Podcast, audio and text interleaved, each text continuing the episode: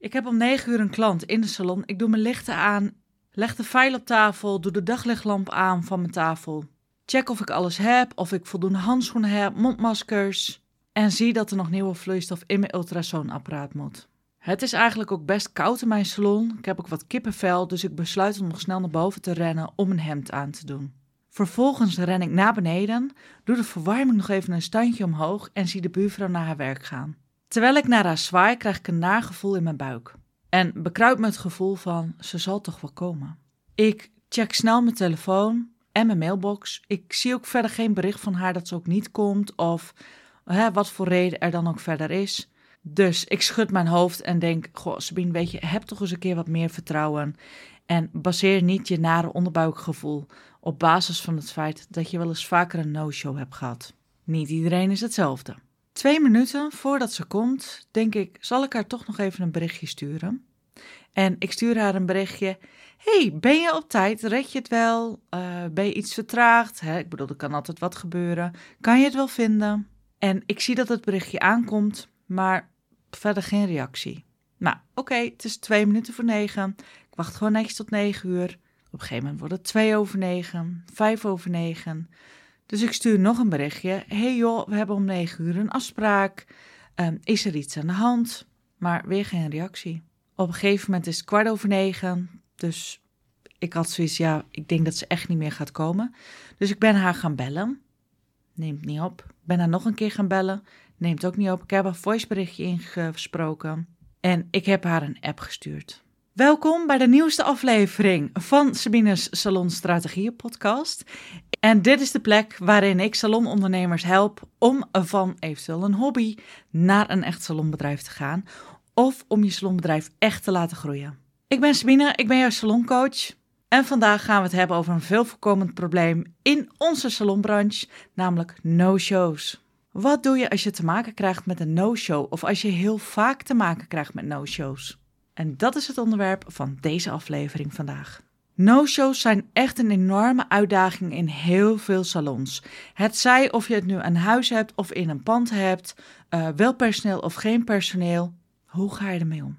Want ze hebben niet alleen invloed op je omzet, maar ze kunnen ook je hele planning in de war schoppen en stress veroorzaken.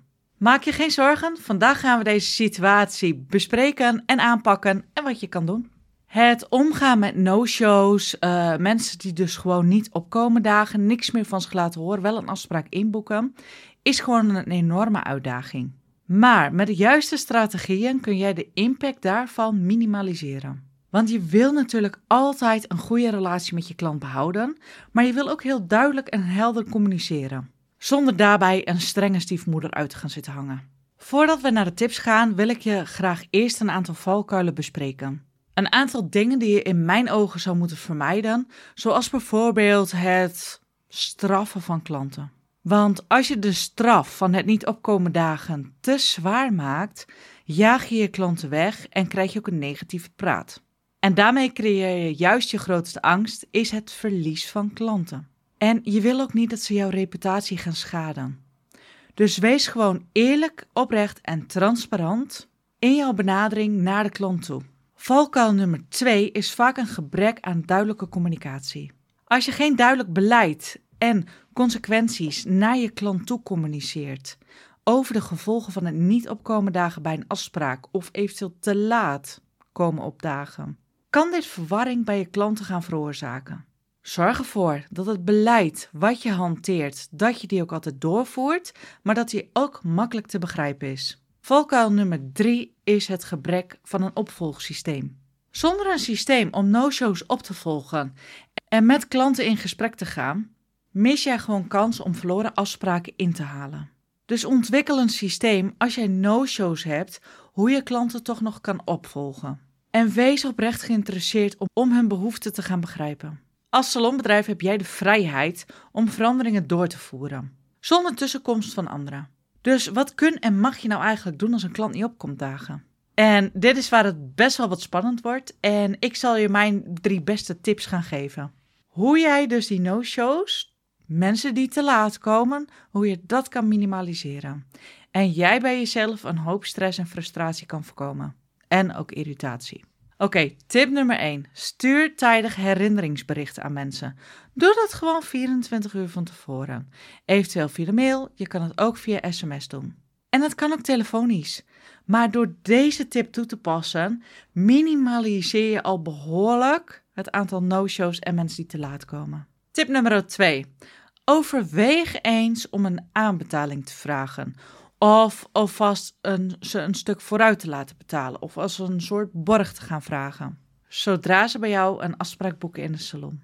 Klanten die namelijk investeren zijn serieus. Ze willen komen opdagen omdat ze al wat geld hebben betaald. En jij beschermt daarmee je inkomsten en ook je planning. Tip nummer 3. Bouw echt aan sterke klantrelaties. Als eigenaar van een salon en als styliste zijnde geef jij je klanten echt persoonlijke aandacht. Hoe sterker die band is, hoe minder zij geneigd zijn om jou te verlaten. Dus bouw een band op, zorg dat je salon aantrekkelijk is voor herhaalafspraken, faciliteer je klanten daar ook echt in. Heel veel succes met het toepassen van deze tips. Denk ook echt aan de valkuilen. Want ik weet dat heel veel stylisten en salons heel veel angst ervaren bij het doorvoeren van veranderingen. Want de grootste angst is dat we gewoon klanten verliezen. Maar onthoud, als jij op een eerlijke, oprechte manier communiceert naar je klant en ook streeft naar een betere ervaring met je klant, dat je ook echt die intentie hebt, zullen de meeste begrip tonen en gewoon terugkomen. Ik hoop dat jij klaar bent om deze nachtmerrie te gaan transformeren naar een goed lopende salon die gewoon een gezonde winst draait. Laat me weten wat je hiervan denkt, wat je ervaart en hoe je het doorgevoerd hebt. Want ik hoor heel graag jouw verhaal. Ik wil niks liever dan de salonindustrie naar een gezond niveau gaan brengen. Naar een gezonde mindset, een sterke mindset die niet beheerst wordt door angst, kramp en schaarste. Bedankt voor het luisteren naar Sabine Salon Strategie podcast. Support me ook zeker door even te liken en te abonneren en je ervaring te delen. En dan zie ik je graag in de volgende aflevering.